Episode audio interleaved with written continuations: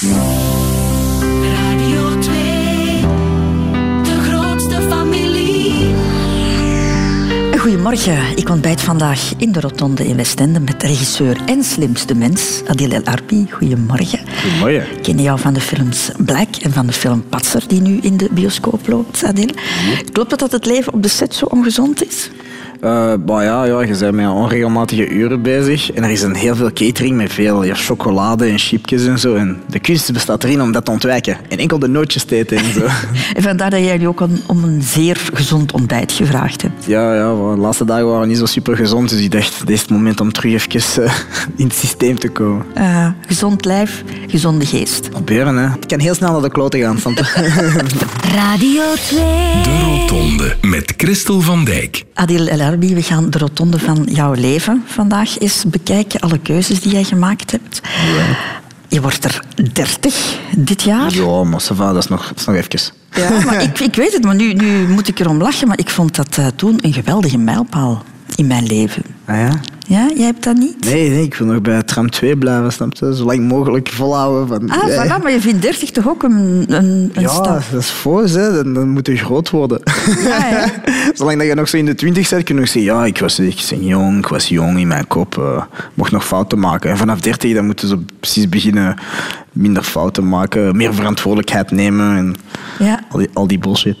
Je hebt statistisch nog een goede 50 jaar te gaan, Adil, hè, ongeveer. Ja, dus ja. Ehm, je zal nog heel wat beslissingen moeten nemen in, in jouw leven. Maar hoe kijk je terug op de keuzes die je tot hiertoe gemaakt hebt? Eh, maar ça va nog. Eh, ik, ik weet niet of ik iets anders had kunnen kiezen dan, dan, dan wat ik heb gedaan, maar...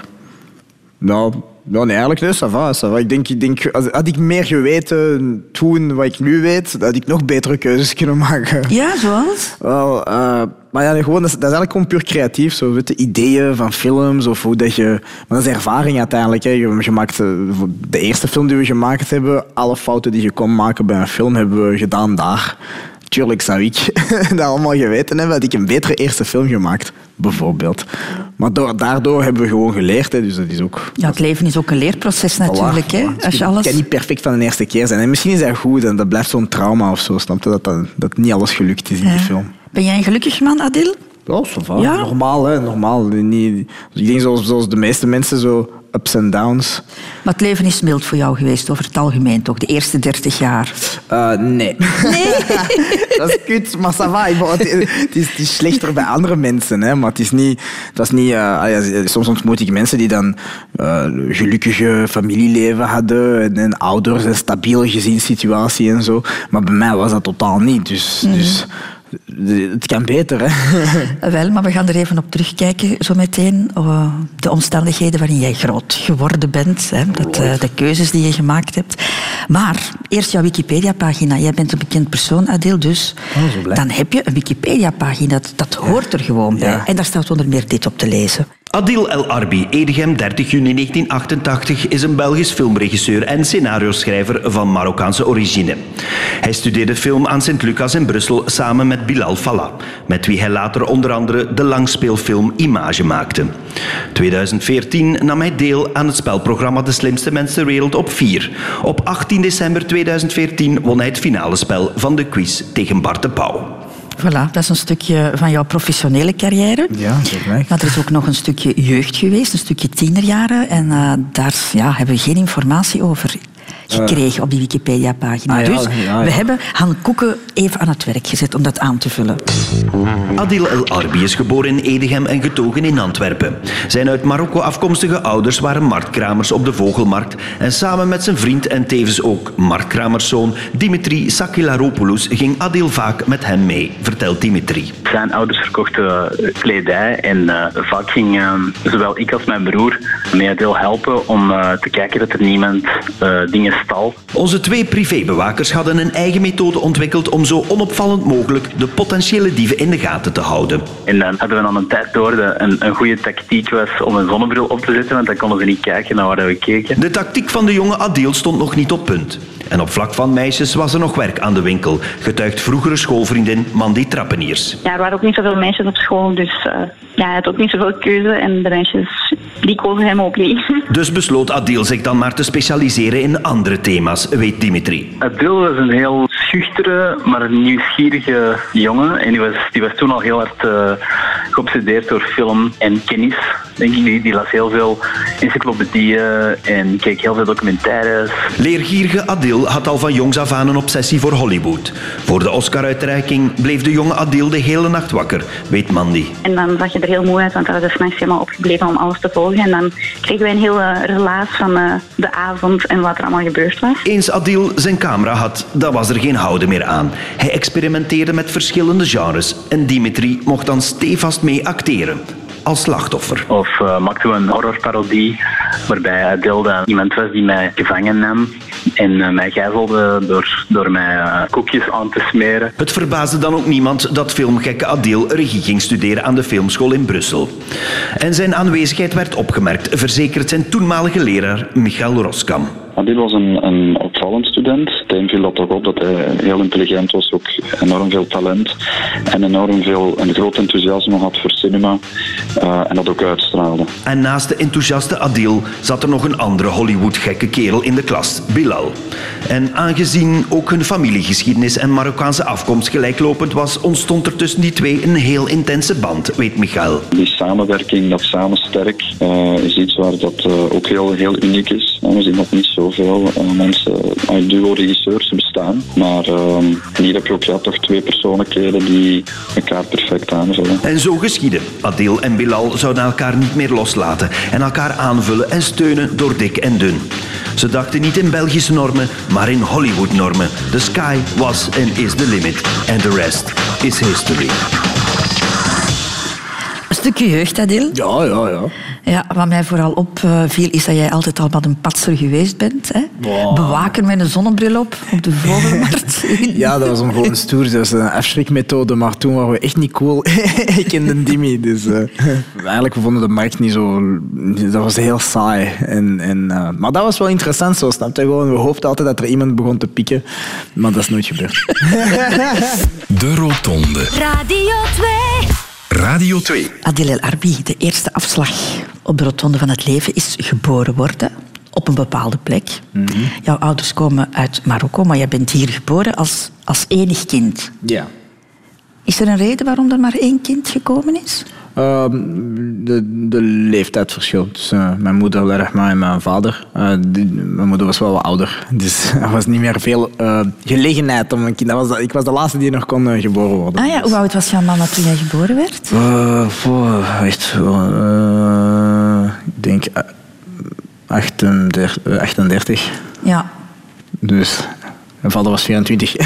Papa 24, ja. Dat was een behoorlijk leeftijdsverschil. Dus ja, 38 is al vrij laat om, om te beginnen, ja. ja. Maar enig kind, dat betekent ook dat uh, ja, alle ogen op jou gericht zijn natuurlijk. Dat is waar. All eyes on me, zoals Tupac zou zeggen. Ik weet niet of de luisteraars dat kennen, maar... Ja. ja. Maar heb je dat zo aangevoeld? Ja, ja, want dat is normaal hè, als je zo enig kind bent en, en de, alle focus is daar. Uh, je hoopt... Uh, daarom wil ik niet graag een, een enig kind willen hebben, want ik denk dat het is heel veel stress en zo. Je, je hoopt dat het allemaal goed komt en, en veel druk enzovoort. Dus, ja, maar je, je, krijgt ook wel alles wat je wilt, dus dat is ook wel chill. Ja, ja, je wordt langs de ene kant verwend, maar langs de andere kant moet je het ook waarmaken. Ja, dat is waar. Maar dat was ook niet echt per se, ik had er ook niet echt een probleem mee of zo. Dus voor mij dat was dat was de norm. Dat was, uh, dat, ik kende niks anders dan dat. Dus ik was vaak gewoon thuis alleen uh, tv aan het kijken. Hè. Voor mij was dat goed. Je hebt uiteraard veel alleen gezeten, ja. maar dat, dat kon jij goed. Ja, ik had, voor mij was dat chill. Dat was normaal. Dus, dus ik voelde mij nooit echt alleen. Zeg ik het gewoon. Tenzij de tv niet werkte en dan begon ik wel te flippen. maar zolang de tv werkte, was ik niet alleen. Zeg. Ja. Was jij een volgzaam kind? Uh, ja, keihard. Ja, ze zeiden, doe dat, ik volg. Is het echt? Meestal wel. Nooit gerebelleerd? Uh, pff, nooit, nee, nee. Veel al gedacht om te rebelleren. dat heb ik toch niet de bal gehad. Dus, uh, de, dus over het algemeen gewoon gevolgd. Ja, dus ja. Niet moeilijk gedaan. Nu, jouw ouders uh, die scheiden toen jij nog een, nog een puber was, hè? Ja, zo, ja 15, 16. Had, had jij dat zien aankomen? Ja, ja eigenlijk wel. Hè, omdat je, je, je ziet de leeftijdsverschil die wel groot is. Uh, Mijn vader was, was 24 toen hij mij had. En ja, dus je verandert tussen de persoon die je aan 24 en dan zoveel jaar later, 16 jaar later, zitten nog zitten anders. Hè. Dus, uh, dus je wel, dat leeftijdsverschil, dat dat wel een, een effect had Dus dat was, was meerdere keren bijna gebeurd. Dus dat was gewoon de, de zoveelste keer en dat was het, was het echte. Hoe heb je daarop gereageerd als kind? Want dat was een moeilijke situatie dan je ouders die... Ja, dat was zo. eh, het, eh, het ding is, je voelt, zo, je zo na een tijdje, moet dat blijven. Je wilt liever dat het toch zo, dat ze uit elkaar gaan dan de hele tijd ruzie eh, maken, de hele tijd, jarenlang.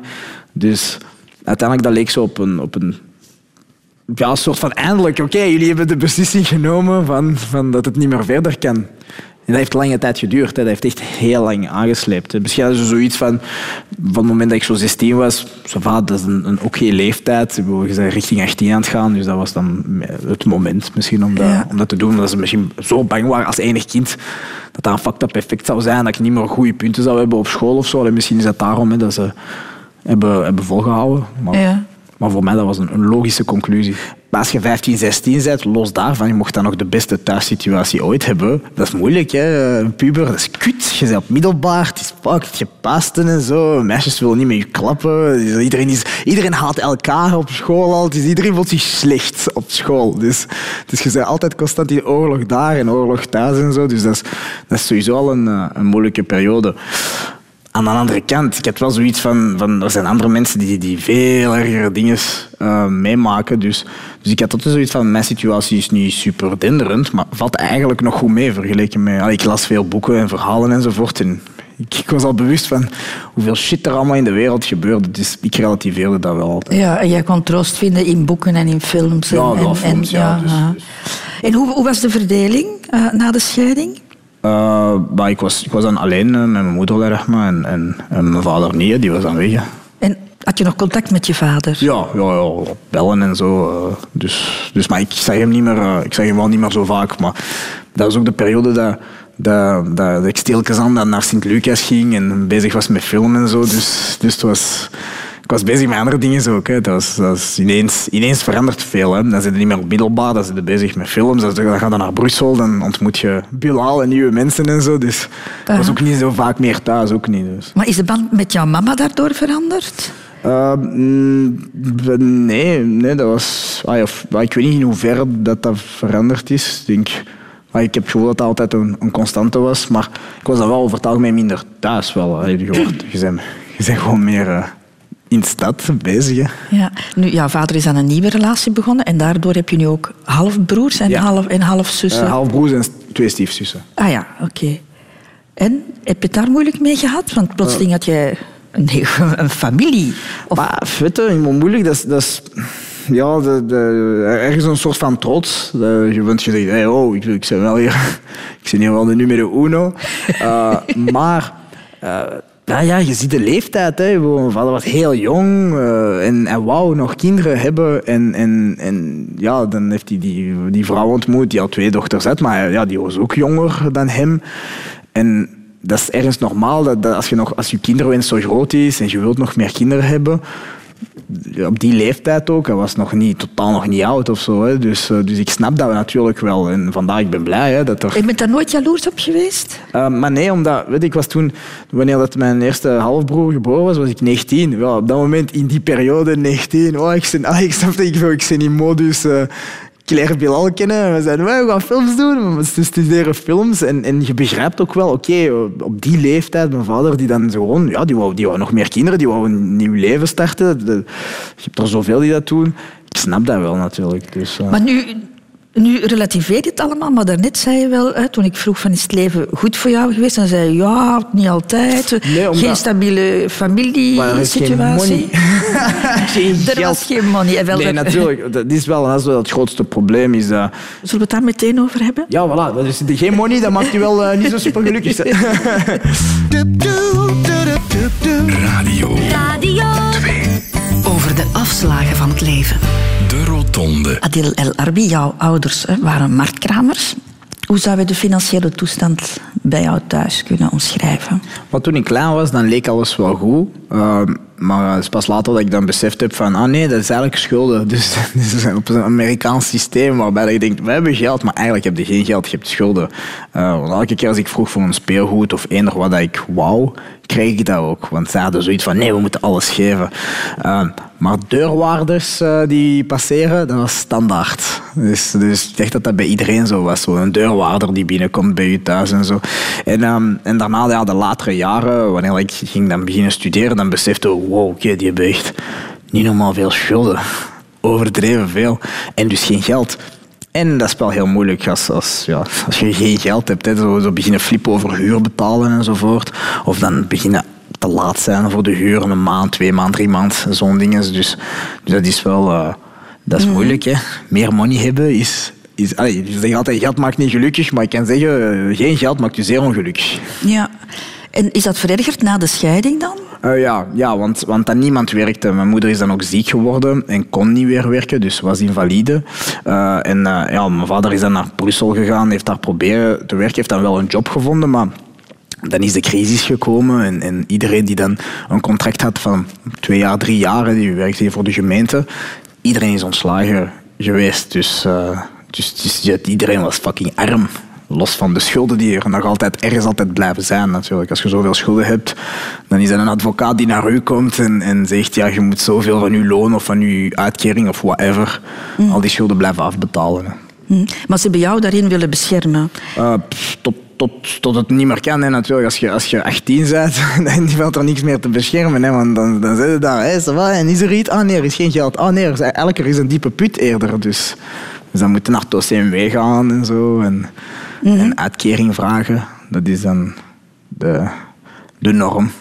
Ja. Maar toch deden jouw ouders, heb ik de indruk, er, alles aan omdat jij het beter zou kunnen Ja. hebben in het leven. Ja, ja dat, is, dat was hun...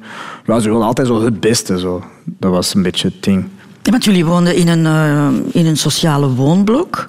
Ja, in het begin. In het begin, waar het niet zo heel veilig was. Eh, nee, dat was op het. Nu is dat Waalse kaai en Vlaamse kaai. En is dat de hippe, dure Ja. place to be. Maar toen was dat nog niet... Maar dat was een sociale wijk, hè, met een sociale blok. Naast de Zillion.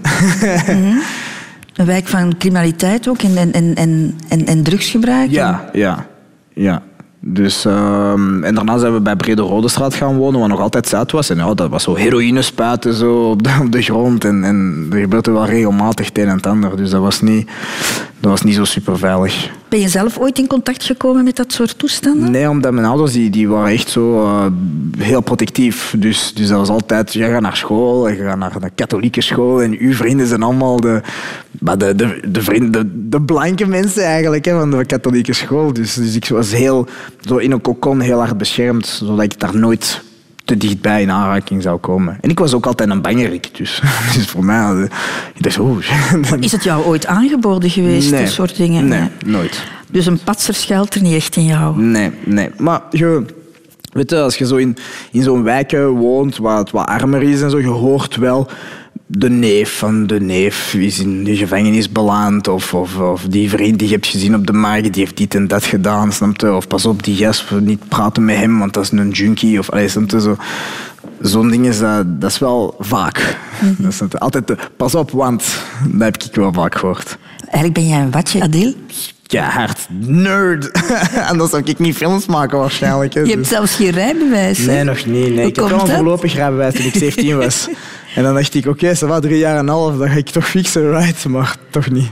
Nu eh, nog even terugkomen op, op jouw ouders, die voor jou dus het, het, het beste wilden. Hè, die jou dan ook, zoals je zegt, eh, naar een katholieke school sturen, een, een, een college. Ja. Heb je dat toen ook zo ervaren als van dit is mijn kans om misschien maatschappelijk en sociaal verder te geraken? Nee, want op dat moment, je, je denkt, ai, toch als ik klein ben, zes jaar, ik denk er niet, ik denk er niet bij.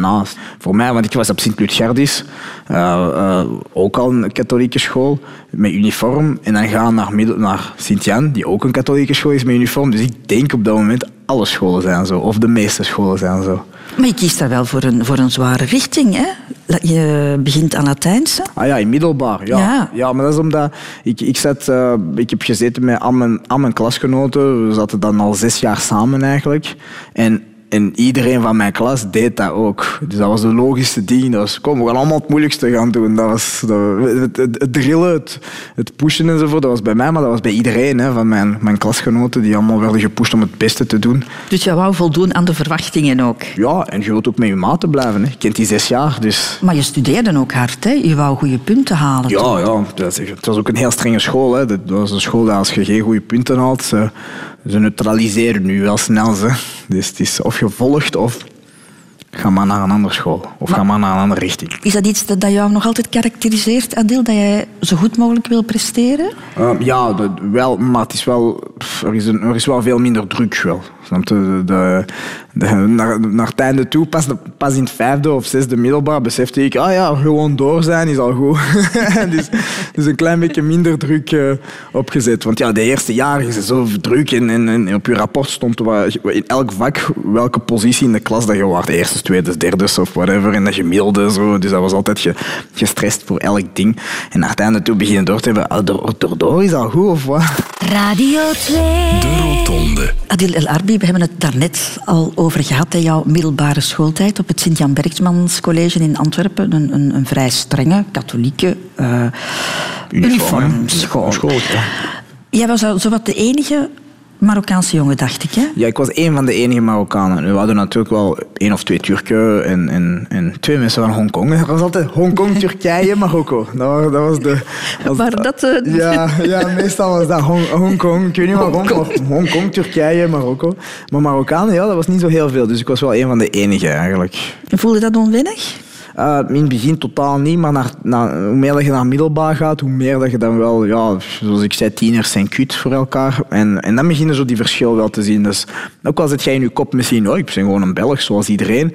Wel, ze gaan er, de omgeving gaat er wel voor zorgen dat je niet gewoon een Belg zult zijn, zoals iedereen. Dat je wordt gepusht in een richting, zodat je dan kleur bekent en een etiket hebt en zo. Wanneer is dat kantelmoment gekomen? Ik denk dat bij mij het grootste moment, eh, voor zover ik me kan herinneren, dat is eh, 11 september. Dat is 9-11, 2001. Eh, toen was ik, eh, ik was 14 denk ik, en dat was in de tweede middelbaar. Vanaf dat moment, daar is er een shift. In, in, in hoeverre? Wel ja, je komt op school na 9-11 en dan is iedereen zeggen, ah, je bent blij hè.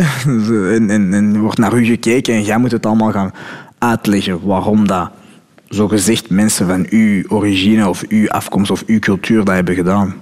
Dus dat is wel de grote, dat is het, het grote besef dat er iets bestaat als, als extremisme, eh, moslim-extremisme. En daarvoor, daarvoor Marokkanen worden, zijn, zijn bekend als pikkendieven. snap je? dat is het. Pikkendieven, ça va nog, snap je? Roma, zigeuners, Oostblokkers, iedereen heeft zo die reputatie van pikkendieven. Dus dat- je springt er niet echt uit op dat moment. Maar na 9-11 dan wel. Was er echt een openlijke vijandigheid op dat ogenblik? Ehm, maar ja, iedereen, dat is een van de. Dat is, we gaan in ons leven, denk ik niet dat we zo'n groot event gaan nog meemaken, hopelijk toch niet. En, eh, en iedereen is bang, hè. Je, hebt, je, hebt, je hebt oorlog. De derde wereldoorlog is precies gestart. En de derde wereldoorlog is gestart door moslim-extremisten. En ik ben een moslim, dus ik behoor tot die categorie. En, en, eh, en dan, ja, dat is wel extreem. Dus mensen, man, dat was niet algemeen bij iedereen. Hè. De meerderheid van de mensen, nee, die snapte wel, die kon dat in een context zien en zo. Maar je hebt wel dan sommige mensen die dan echt direct u beginnen te viseren. Had je zo'n schrik om naar school te gaan daardoor? Of minder zin? Uh, mm, ik, nee, eigenlijk, eigenlijk niet echt. Je hebt sowieso geen zin om naar school te gaan in middelbaar, maar dat is meestal omwille van wiskunde. maar eh, nee, nee, op dat moment niet. Maar het is wel zo van... Maar je wordt, ah ja, als je, als je zo duw je in een hoekje en zo, en na een tijdje dan worden we gewoon meer... Daar rebelleert je eigenlijk op. Dan gaat je zo... Dan gaat je gewoon daar op, tegenop ingaan. Snap je? Terwijl daarvoor was het misschien, ja, sorry, sorry. En, en, dan, en dan gaan ze zeggen, nee, ik ga niet sorry zeggen. Ik ga je uitleggen waarom dat ze die torens eh, hebben, hebben gebombardeerd. Dat is omdat ze zelf gebombardeerd zijn geweest. Allee, snap je? Zo'n ding is. Heeft dat jou harder gemaakt? Ja. Die- ja? Ja. Dat, ja, dat is wel, want... Harder, het is niet per se dat enkel, dat event. Dat was gewoon, eh, je, je weet, je- ik, ik las heel veel. Je ziet heel veel reportages, documentaires enzovoort. En, ehm, en films, ik heb heel veel films gezien over zo'n onderwerp, voor alleen dat dat gebeurd is. En je weet gewoon hoe hard de wereld is. Dus dat was geen verrassing, hè. 9-11, een hele zomer was iedereen aan het zeggen dat iets ging gebeuren. Dat het zo grootschalig was, wist je niet, maar dat je dat wel wist. En wij, als je de hele tijd naar Arabische televisie zit te kijken en nieuws en zo, dan weet het wel. Maar heeft het jou ook harder gemaakt eh, naar de buitenwereld toe, naar, naar, naar andere mensen toe? Omdat je dan plotseling in, in een bepaalde rol, want plotseling ben jij de Marokkaan, ben jij... Ja, ja omdat, omdat wanneer... Ja, dat is wel. Want, want als iedereen, als je weet, eh, dan het 9-11, iedereen kijkt naar u en zegt, leg het eens even uit. Ehm, en, eh, of er zijn rellen op Turnhoutse baan, omwille van Ashrak die vermoord is geweest door een, een oudere blanke man. En dan kijkt iedereen naar u, waarom zijn er rellen geweest op Borgerhout?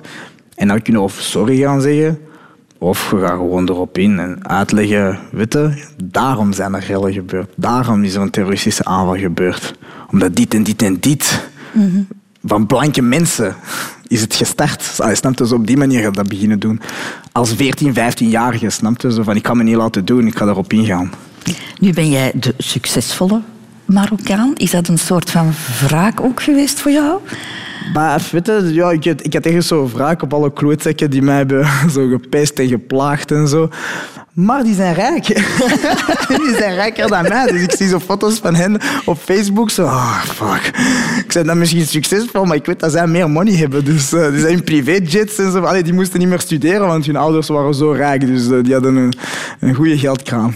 Jouw keuze voor de film, Adil El Arbi, kan ik zeggen dat dat niet onverwachts gekomen is voor een jongetje dat de hele dag televisie keek? Ja, nee, dat is logisch. Hè. Dat was de meest logische keuze.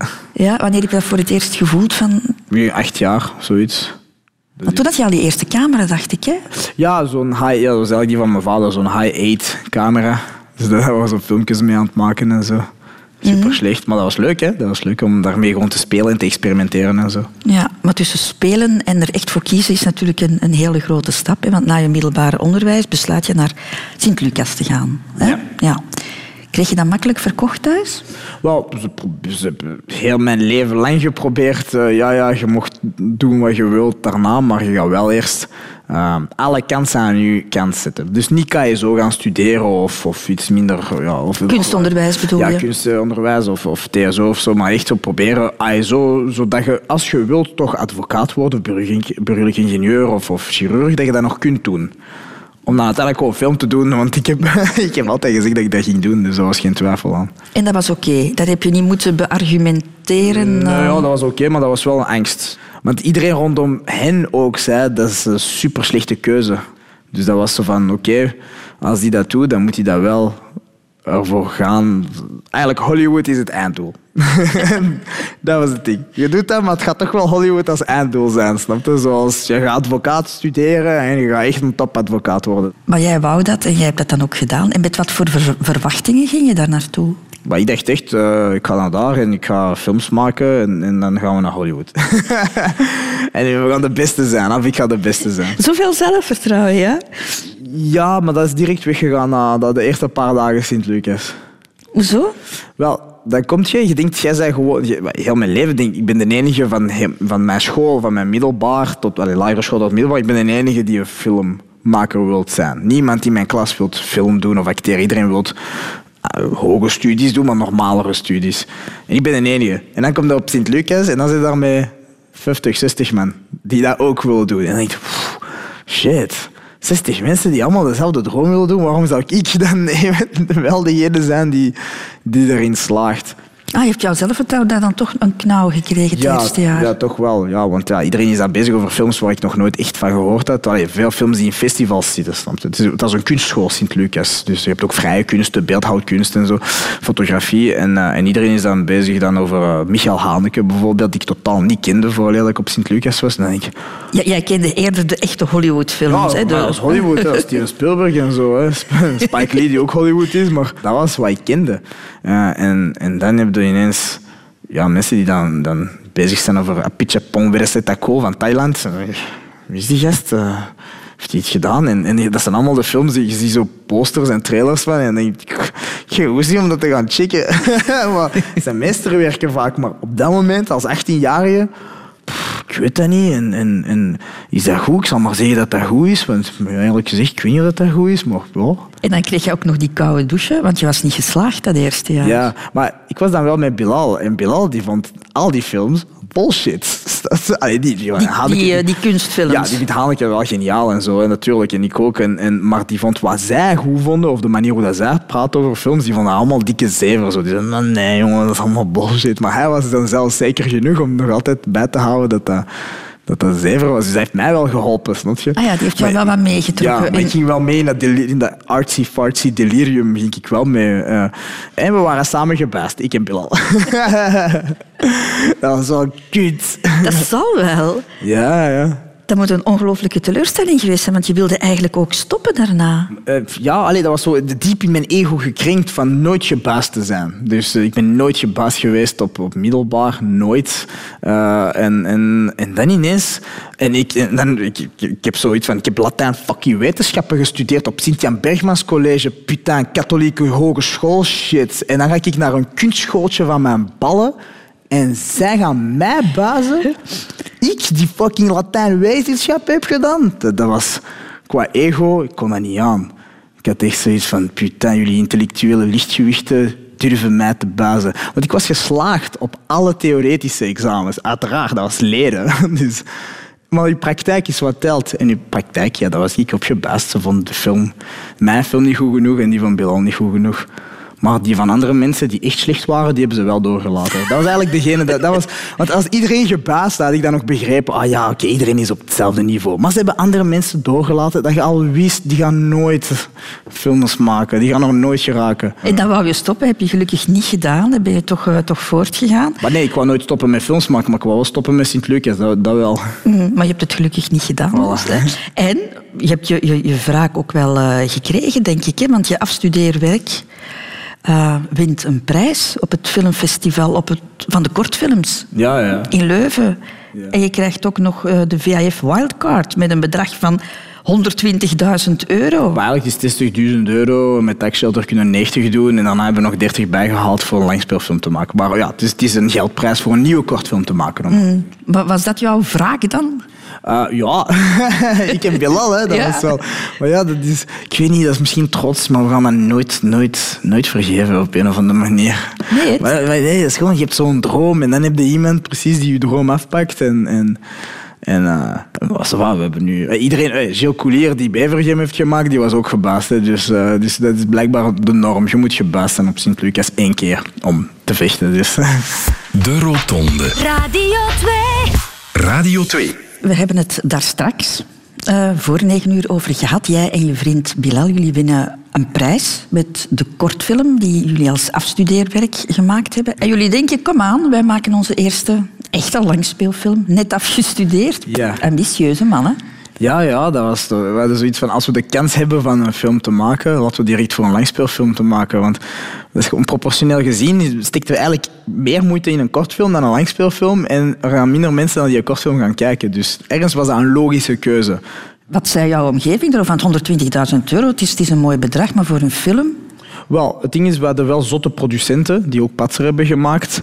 En we zijn dan naar hen gekomen, een jaar lang hen overtuigd. En uiteindelijk hebben ze toegegeven en hebben ze gezegd, oké, we gaan het doen. En als zij zeiden, we gaan het doen, dan had ik zoiets van, oké, als ze zeggen dat het mogelijk is, dan gaan we niet beginnen zeggen dat dat niet kan. Maar Michael Roskam natuurlijk, dat was onze, onze docent, onze mentor, die zei, niet doen, je gaat, je gaat mijl op de grond gaan knallen. En dan is het gedaan. Dus, eh, dus dat was wel eh, ja, twee uur op ons eh, zitten inpraten op ons om dat niet te doen.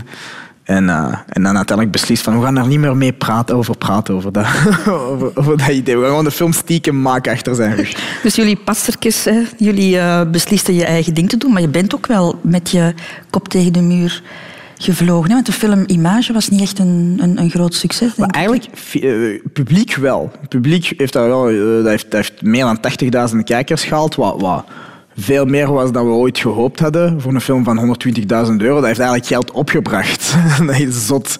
Dus dat was toen een van de meest meer succesvolle films van, van, van dat jaar.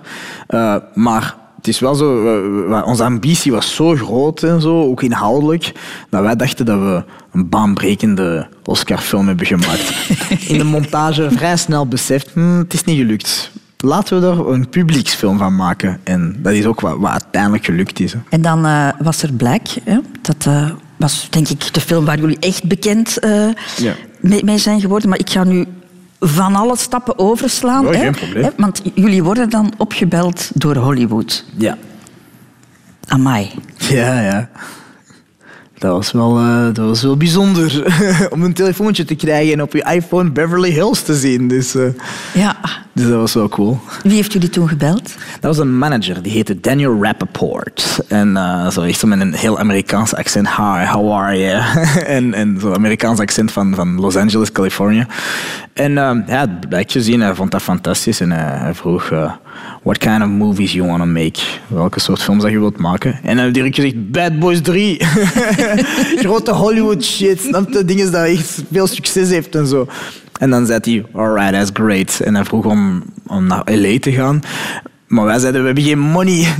dus dan zijn naar Brussel gekomen, twee managers, één dag, om met ons een contract eh, af te sluiten. Ja, en ondertussen worden jullie door het filmblad Variety, een gezaghebbend filmblad, omschreven als een van de tien regisseurbeloften van het moment. Ja, zo blijkt. Jong, dat is toch een, geweldige druk. Ja, dat is druk, maar dat is ook ergens motivatie. En, en, en ook, moet, uite- uiteindelijk de dag zelf dat je op de set zit aan filmen, dat maakt, niet meer zo, niks, dat maakt eigenlijk niks meer uit. Zo'n magazine of een top 10 lijst en zo. Maar het is wel een grote eer om, om eh, voor mij wat het belangrijkste is om tussen de mensen tussen wie we zijn, vind ik cool. Dat zijn, dat zijn Greta Gerwig, die Lady Bird heeft gedaan, die heeft nu een Oscar-nominatie voor beste regisseurs. Op zo'n lijst zijn met haar, dat is... Dat, dat vind ik het nog cooler. Voor mij dat is gewoon dat is te veel eer eigenlijk. Ik denk, we horen er eigenlijk nog niet bij, maar, maar dat is wel tof. Films hebben jullie daar nog niet eh, gedraaid, maar wel enkele afleveringen van, van televisieseries. Ja. Was het een omgeving waar jij je meteen goed in voelde? Ja en nee. het is, eh, natuurlijk, we zijn heel... We willen echt... Hollywood is ons ding echt en we willen er echt voor gaan. Ehm, en we hebben dan die piloot geregisseerd van Snowfall. eh, Dus de eerste aflevering. En dan de stijl bepaald, de acteurs gekozen en zo. Dus nu, eh, wel, die serie bestaat en dat, is, dat zal altijd onze stijl zijn. Maar je ziet ook wel, Hollywood is wel een ander systeem. Hè. Dat, is een, dat is een business. Hier is een, een gesubsidieerde kunstavontuur. waarbij dat de regisseur min of meer toch wel zijn goesting kan doen. En in Hollywood, dat is een business van miljoenen dollars, van privégeld. Dus je zijt wel een werknemer. En dat is, Ah, ja. dat is een verschil. Je hebt daar niet de vrijheid die, die je hier Nee, hebt. nee, je moet echt elke beslissing die je neemt, moet je beargumenteren met 50 argumenten en lange conversaties. En je gaat niet elk gevecht kunnen winnen. Dat is wel een groot verschil. Dus eigenlijk ben je daar een kleine garnaal. Oh ja, ja zeker wij. We we zijn de larven van strontvliegen daar. Dus, dus daar zijn we echt niks. Maar ze vragen u wel, omwille van Black bijvoorbeeld, want ze willen dat je iets gelijkaardigs maakt en zo. Dus, dus je moet proberen wel je visie door te pushen, maar het is altijd wel ja, een mengeling van advocaat zijn, psycholoog, eh, eh, eh, onderhandelaar en zo. Om, om in al die meningen en al die verborgen agenda's, financiële toestanden enzovoort, om toch nog je creatieve visie door te drukken. Want uiteindelijk is er nog altijd wel uw naam die erop staat. Hoe komt die rijkdom van Hollywood op jou af? Hoe, hoe, hoe ervaar je dat? Want jullie hebben daar toch in een fantastisch Ja. mooi complex gezeten, een loft gezeten. Ja, ja, in het begin, in het begin denkt je, oh, ik ga, ik ga me daar nooit aan winnen. nee, is- en dan, ja, je went u na, na, na een week, je zo, ja, ja, dat is wel goed, dat is wel goed. En, en ik was daar met Bilal en onze cameraman, ook een Belg, die Robrecht Heijvaart, die Black in al onze films heeft gedaan. En dan was de hele tijd zeggen, mannen, we zijn hier wel zwaar boven ons standaard aan het leven. Ik wil dat jullie dat beseffen. Maar beschrijf eens hoe, je daar, hoe, je- hoe jij daar leeft. Maar ja, dus dat is 20th Century Fox die u betaalt daar. Die, die dan, die, dat is een supergrote loft in, in downtown LA met een zwembad en een fitness en, en superklasse. Elke dag mooi weer en, en, je ontmoet sterren. Je gaat dan altijd in de chicste restaurants eten enzovoort. Want ja, zij, zij betalen al die shit. En dan denk je, ja, ja, ça va, maar ik ga dat niet gewoon worden. En wanneer je project gedaan is en je moet terug naar België gaan, dan zit je op de zolder van Bilal zijn ouders op een matras op de grond. En dan denk je, in slecht weer, december, eh, België. En dan word je wel de- de- depressief. Eh, maar ik Bilal dan zeggen we, laten we niet vergeten, we zijn Hollywood-regisseurs, oké? Dus, Waarom heb je de beslissing genomen om daar niet te gaan wonen? wel, om te beginnen, eh, er is geen money om daar te wonen. Want je wordt eigenlijk, ja, dat is je, je wordt daar betaald om daar te blijven gedurende de, de, de lengte van je project. Je hebt je werkvisum gedurende de lengte van je project. Eens je project gedaan is, niemand betaalt niks. Dus jij moet je eigen logeer gaan betalen en je, moet je, eigen, en, en, en je hebt ook geen visum om daar, je kunt daar niks doen. Dus nee, van het moment dat je project gedaan is, direct terugvliegen, want je hebt geen geld. dus je hebt juist een beetje verdiend en je wilt dat niet allemaal gaan spenderen daar. Dus vandaar, nee, sowieso niet. Blijf je nog maar een beetje bij ons. Absoluut. Het is ook een speciale wereld, LA. Dat is niet de meest creatief inspirerende wereld. Dus. 2014, Adil El Arbi, de slimste mens. Ja. Ja, jij neemt daar aan deel. Meer nog, jij wint die quiz ook nog. Heb je meteen ja gezegd? Nee, ik heb die- meteen nee gezegd. ja, ja, ik heb zo, nee, slimste mens. Pff, ik kan me niet belachelijk maken voor 1 miljoen mensen. Dus heb Ja? direct- ja, ja, ik heb zo, ik heb, ja, op mijn telefoon heb ik gezegd, principieel eh zeg ik nee. Maar dan hebben ze gepusht, ja, doe, kom gewoon een café-test doen. Dus eh, heb ik dat gedaan. Hè. Maar jij wist toch van jezelf dat je veel parate kennis had, hè? Jij las encyclopedieën als kind. Ja, maar het is altijd dus, het verschil tussen, tussen eh, dingen weten en dan uiteindelijk een quiz doen daar. eh, in de stoel met twee andere mensen voor televisie. Je weet dat dat zo'n populair programma is. Allee, ik wist dat toen niet 100% hoe populair dat was. Maar, eh, maar ik heb toch nee gezegd. Maar ik heb dat gedaan voor de film te promoten, voor image te promoten. Ah, Dat wou ik net zeggen. Heb je het ook om commerciële redenen Dat is de enige reden dat ik dat heb gedaan. Dus ik heb dan een café-test gedaan, dat vrij goed was. En Erik van Looy heeft mij gebeld en gevraagd, ja, je moet dat toch wel doen. En, ehm, en het is iedereen rondom mij, Bilal, maar ook de producent, die zei, doe dat al eens maar één keer. Tenminste, heb je de image gepromoot en dan is dat goed. En ja, we hadden, geen, we hadden al geen budget voor de film, dus we hadden ook geen budget om reclame te maken. Dus ik zei, allee, zal ik maar één keer eens meedoen. Er zit toch nog iets van de marktkramer in jou. Hè? Ja, ja. Jezelf verkopen. Dat moet, dat moet, sowieso. Dat wisten we, dat wisten we toen we zagen, ja, image is toch niet zo goed gelukt, laten we dat gewoon verkopen. Is jouw leven veranderd daarna? Want jij hebt jou natuurlijk wel op de kaart gezet, hè? Maar het leven, ja, leven is veranderd in Vlaanderen wel. Ik woon in Brussel op dat moment. In Brussel, niemand kijkt naar de slimste mensen. Dat is allemaal Franstalig, dat kan nu geen zak schelen. Maar, eh, maar in Vlaanderen was dat wel anders natuurlijk. Je komt in Vlaanderen en plots iedereen kijkt naar u en je bent bekend op drie dagen tijd. Zijn plots super bekend. Dus dat was wel speciaal. Qua tongen beweren dat er alles aan gedaan werd, Adil, om, om, om jou te laten winnen. Hè? Heb ja. je dat ook gehoord, toch? Die, die nee. Maar ja, ja, je hoort dat, maar, maar eh, omdat er wordt altijd gezegd dat er een, een systeem is of een doorgestoken kaart. Maar dat, dat is eigenlijk niet echt. Eh, het ding is dat, zo vooral in, de, in die finale, ja, je, je weet dat niet. Hè. Je, kunt, je, kunt, je kunt verliezen. Hè. Dat is ook voor een groot dosis geluk en zo. Hè. Dus, eh, Maar ehm, weet er is, ik heb iets met data, eh, een bepaalde jaartal. En vaak raden mensen de jaartallen niet. Maar ik wel. En het is niet per se dat ik slim ben, het is gewoon, een jaartal is zoals een kleur voor mij. En als je die jaartal zegt, dat is direct de meeste punten heel vaak, want niemand heeft die geraden, die jaartal. Dus eh, Maar je bent daardoor misschien toch wel een soort van rolmodel geworden, hè? Door, door die quiz. ja, precies. Maar ik gebruik nog te veel scheldwoorden. Je blijft vloeken, ja. dat ja, dus dat is niet goed, dat is geen goede rolmodel. Dus ik, zou, ik, ik denk Kamal is een beter rolmodel. Hij praat properder. Jij leeft er niet naar. Nee, nee, dat gaat ook niet. Dat is ook niet mijn rol eigenlijk. Hè. Ik ben eigenlijk achter de camera. Dus, eh, Maar je, je wordt plo- plotseling een bekend iemand en constant wordt je waarschijnlijk opgebeld nu om jouw mening over alles en nog wat te geven. Ja, in het begin. In begin. Nu is dat wel al wat minder. eh omdat ik vaak heb gezegd, ja, sorry man, ik ga, dat niet, ik ga niet om de vijf seconden als er iets is. Maar dat was toen ook omdat er niet zoveel Marokkanen waren die echt in de media kwamen en, en bekender zijn. Ondertussen een paar jaar later. Nu hebben we wel Kamal en, en Ish was al bekend en zo. Dus je hebt wel, als er iets gebeurt dat iets te maken heeft met Marokkanen of moslims of zo. Ze hebben genoeg mensen om te bellen nu. Ja. Wat goed is, dat, dat, was, dat is een positieve evolutie. Ja, maar, allee, het, is- is geen druk op jouw schouders. Zo van, ik moet hier de perfecte...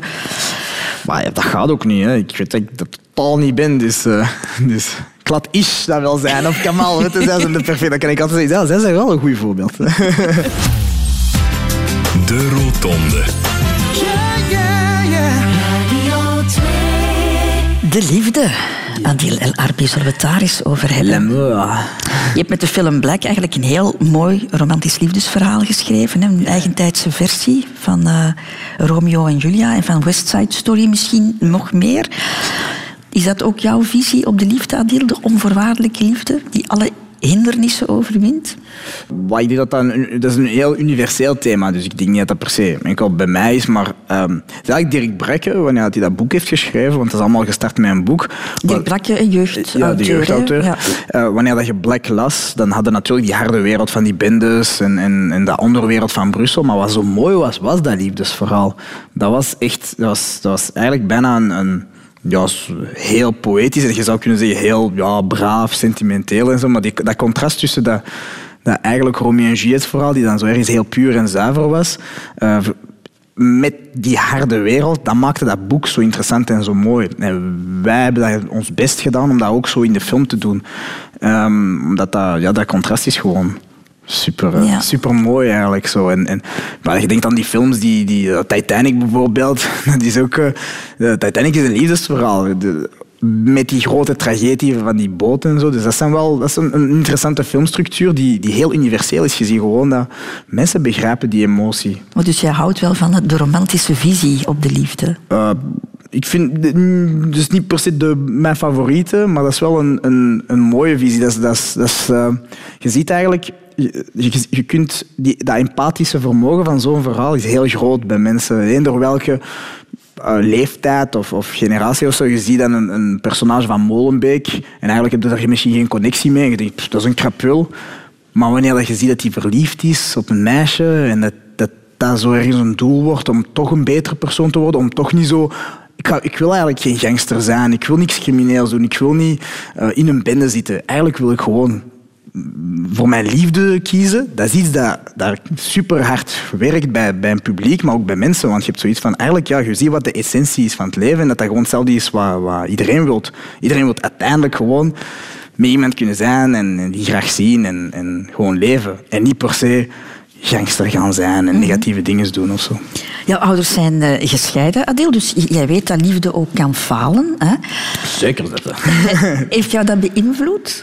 Ehm, maar, ja, nee, maar je, ziet wel, je bent wel realistisch natuurlijk. Ik denk als je een relatie start met iemand die 14 jaar ouder is, dat kan wel soms, voor, dat kan soms een beetje moeilijk, eh, moeilijk gaan. Het is, de- vooral in deze tijden waarbij dat scheiden is eh, de norm. Hè. Ik, bedoel, ik ben, eh, als ik rondom mij kijk, zo heel veel mensen, heel veel vrienden enzovoort, is standaard dat hun ouders gescheiden zijn. Hè. Dat is zo bij, eh, de- ouders die nog altijd samen zijn, dat is bijna de, de uitzondering. Maar het feit dat dat nog altijd kan, is wel mooi om te zien. En hoe, hoe zie je het voor jezelf? Geloof je in één lange, Ja. monogame Ja. relatie? Dat kan, hè. Het is mogelijk, hè. En dat is, dat is, dat is het mooiste, hè, als dat, als dat echt lukt. Het zou echt super cool zijn, hè, als je dan toch geraakt tot 80 jaar, als dat kan. En, eh, Maar je gaat er niet van uit. Nee, want je weet nooit wat leven is. Hè. Je weet dat nooit. Hè. Je, kunt, je, kunt even je weet ook nooit of dat je 80 jaar zult leven en zo. Dat weet je allemaal niet. Dat is eigenlijk ook ergens de schoonheid van het leven. Hè. Is dat, je, dat je het niet weet. Als het allemaal zo berekend en voorspelbaar is, dan dan zou dat heel saai zijn. Dus jij bekijkt het eigenlijk dag per dag.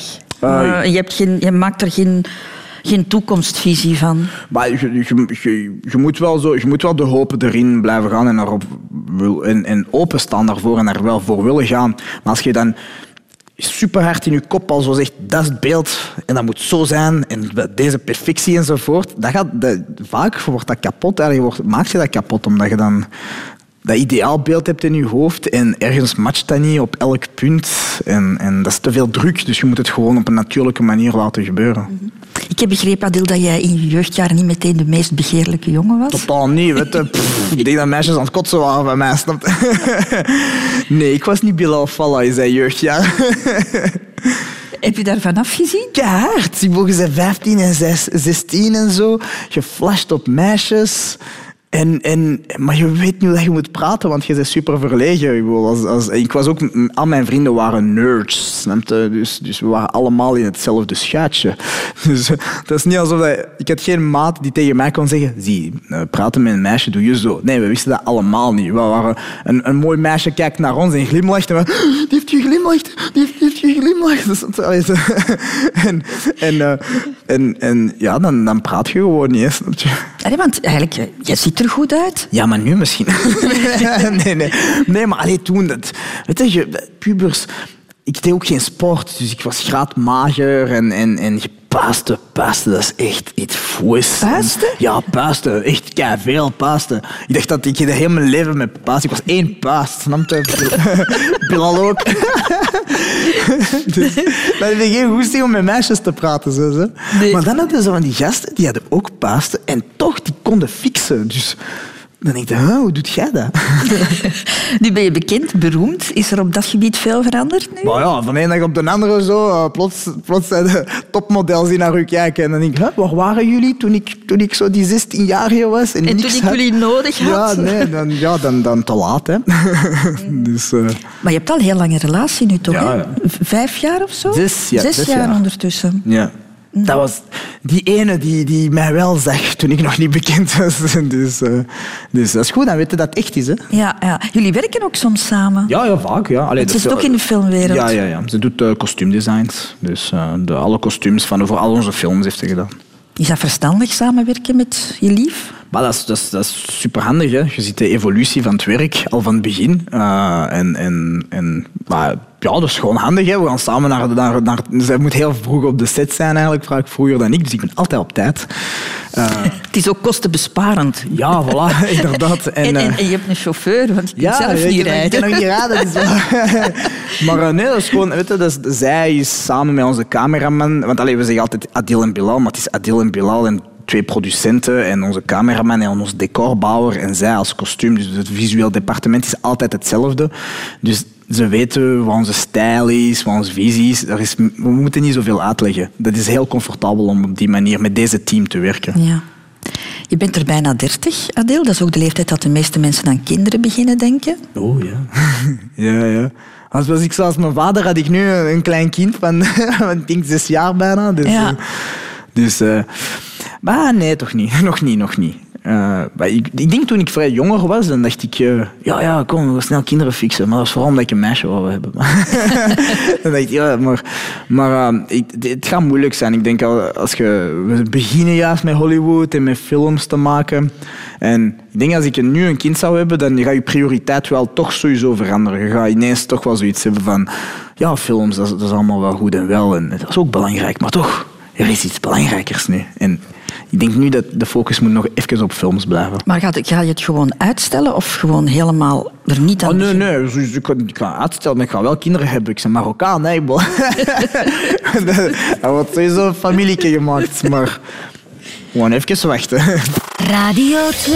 De Rotonde. De laatste afslag van het leven, Adil El Arbi, daar ga ik jou nu naartoe leiden. De dood. Ja. Hoe kijk jij daarnaar? Wat verwacht jij daarvan? Eh, wel... eh, Vroeger was ik altijd heel bang, eh, maar nu ik, ik, ben niet meer zo bang van de dood. Ik ben wel bang van vliegtuigen, nog altijd, maar, maar, maar, maar de dood moet er gewoon gebeuren. Hè. Dat, is, dat is goed ook, snap je, dat dat, dat, dat er is. Ehm, ik heb meer zoiets van, je weet nooit wanneer dat, gaat gebeuren, dus iedereen is ook gelijk voor de wet daarmee. Ehm, dus ik heb meer zoiets van, doe je best zo, en doe het beste van de tijd dat je nog hebt, want je weet niet of, dat, dat, of dat je nog 100 jaar eh, gaat leven of morgen niet meer. Hè. Dus, dus eh, Maar je bent gelovig, hè, Adil? ja, ja, ja. Ja, dus jij, Nog niet praktiseren, maar wel gelovig. Ja, ja, dus jij verwacht wel dat er nog iets komt na dit. ja. ja. dat is een, een overtuiging. Ook al weet het niet zeker, hè. maar sowieso is er wel iets. Ook al is er niks, is er iets. En moet je dat iets verdienen in dit leven? Maar ja, je moet, het, is, het is best dat je toch niet, toch niet te slecht bent. Ehm, je probeert geen, geen seriemoordenaar zijn, is een goed begin. Hè, om, om, om iets, een positief eh, potentieel leven na de dood te hebben. Maar geloof jij ook dat slechte mensen ergens anders naartoe gaan dan, dan, dan, dan, dan goede mensen? Ja, dat is, dat is, dat is een hele moeilijke. Uh, omdat als je heel gelovig bent, je gelooft ook dat God vergeeft. Uh, en dat is dan het ding, in hoeverre zijn dingen te vergeven enzovoort. Hè. Dus, dus dat, is, dat vind ik al een complexer ding. Natuurlijk, ja, het is, het is leuk van te denken dat Hitler sowieso diep in de hel aan het burnen is, maar hij is wel een mens nog altijd. En dat is dan zo, oh shit, dat, dat, dan beginnen zo. Dan, beginnen, dan is het best om niet te veel daarover na te denken, maar gewoon het beste te doen wat jij zelf hier kunt doen en, en hopen punten te scoren. Je hebt ooit in een interview gezegd, van een tijdje geleden denk ik, dat je graag een goede moslim wil worden. Wat, wat, wat bedoel jij daarmee? de, de, omdat, omdat voor mij, iedereen, voor mij, mensen die geen religie hebben, ik heb daar even veel respect voor en zo, maar voor mij, sociocultureel gezien, is islam wel mijn religie, van mijn familie, van mijn uh, land en zo. En dat is de filosofie en de religie die ik dan het meeste connectie aan heb. En ik vind dat een mooie religie en een mooie, mooie cultuur. Ehm, en mijn doel is wel om toch ooit, inshallah, naar, naar Mekka te gaan en, en, en gewoon het volledig te praktiseren hoe dat, hoe dat het zou moeten. Of in elk geval hoe, dat ik, hoe dat ik het wil praktiseren.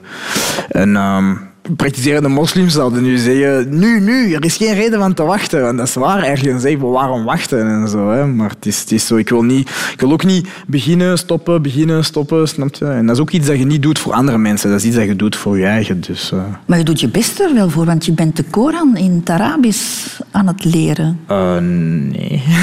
nee, nee, ik ken nog geen Arabisch eigenlijk. Nee, ik ben misschien Arabisch aan het leren om dat te kunnen kunnen lezen. Maar ik heb, bij mij thuis hebben ze mij niet in het Arabisch uh, opgevoed. Het is in het Frans. En dat was wel Marokkaans-Arabisch, maar ik heb niet leren Arabisch schrijven en lezen en zo. Maar daar ben je nu wel mee bezig? Uh, maar, in mate van het mogelijke. Het is toch totaal nog niet waar het moet zijn. Maar dat is wel, uh, dat is wel een beetje het doel om toch meer met je cultuur bezig te zijn en zo. En, en, en bij sommige mensen is dat boeddhisme, bij andere mensen is dat, is dat een ander soort filosofie en zo. Maar voor mij is dat, is dat islam. En het zou ook goed zijn om eh, extra voorbeelden te, te ontwikkelen zijn van moslims die niet allemaal extremisten zijn, want dat, je hebt er wel veel die... Je hebt veel mensen die denken, oh, van het moment dat je gelovig bent of conservatief, dan zit je sowieso een extremist. En dat is gewoon niet waar. Dus, uh. Afscheid nemen hoort ook bij het leven, Adil. Dat heb jij moeten doen met, met jouw moeder, hè? Ja. Dat is leven, hè? Ja. Maar ik denk dat misschien de angst van de dood is minder gegaan nadat ik haar dood heb gevonden. Want dan zie je ineens, oké, dat is dus het leven enzovoort. En dat is hoe fragiel het leven is en hoe kort het leven kan zijn. Dus dan, dan, dan, dan leer je wel appreciëren hetgeen dat je hebt uh, kunnen krijgen.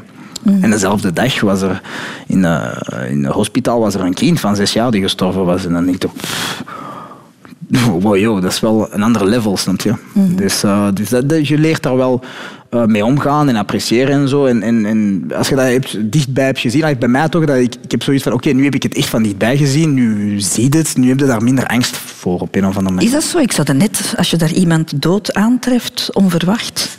Ik dacht altijd dat dat zo ging zijn en dat was niet. Nou, natuurlijk, dat is een, dat is een heel... Uh, geschikt natuurlijk, hè, want dat is niet elke dag. En dat was dit geval was dat mijn moeder, maar maar ergens, ergens uh, is zo de wil van het leven groot. Zo. Dan denk ik, nee, ik wil leven. Snap je wat ik bedoel? Dus dat is... En, en gewoon dankbaar zijn. -hmm. Je hebt geen afscheid van haar kunnen nemen, Adil. Ja, maar dat is... Weet je, de afscheid... Ik, ik, vraag me af of dat, dat veel beter is om afscheid te kunnen nemen. Ik vraag me af, is dat, is dat niet zo super pijnlijk ook? Om, ik hoor zo verhalen van mensen in het hospitaal en ja, het gaat, het gaat gebeuren binnen een uur of binnen twee uur en dan moet afscheid... Ik denk als ik daaraan denk, dat, dat, dat, voelt heel pijnlijk aan. Misschien nog pijnlijker dan het is gebeurd. Mm En ja, je neemt afscheid. Wij moslims geloven dat, dat, dat, onze doden nog altijd aanwezig zijn. Hè. Dus, dus dat is een ander soort. Het is niet dat je 100% afscheid neemt, omdat je altijd de aanwezigheid blijft voelen. Um, maar ik denk, ik heb, liever, ik heb het liever zo gehad dan is in coma, uh, jij mocht kiezen, steek eruit of niet. Allee, snap je? Dat, dat, dat vind ik veel moeilijker. -hmm. En ze heeft de film Patser dan ook gezien op haar manier? Voor mij wel, ja. ja. Radio 2. Over de afslagen van het leven. De Rotonde. Adil El Arbi, dankjewel. Ik vond het heel fijn om met jou te ontbijten. Ik heb jou wat beter uh, leren kennen. Dat is goed. Ik heb ook goed gelachen met jou. En nog nooit zoveel scheldwoorden in één interview. Ah, ik heb echt mijn- ik heb geprobeerd. Ik heb echt geprobeerd. Ça va, het was eigenlijk deftiger dan gewoonlijk. Is het echt? Nee, nee, nee. Oké, laat maar dan. ik vond het grappig. Putain, motherfucker, wat heb je nog allemaal gezegd? Ah, ik dacht echt, deze, deze wordt een deftige. Nee, niet gelukt. Wil je nog iets in mijn gastenboek schrijven, Adil? Ja, Dat is het laatste wat ik van jou vraag. oké. Hey Christel super hard bedankt voor het heel fijn gesprek. Dikke knuffel. XXX. Adele. Kribbel, krabbeltje.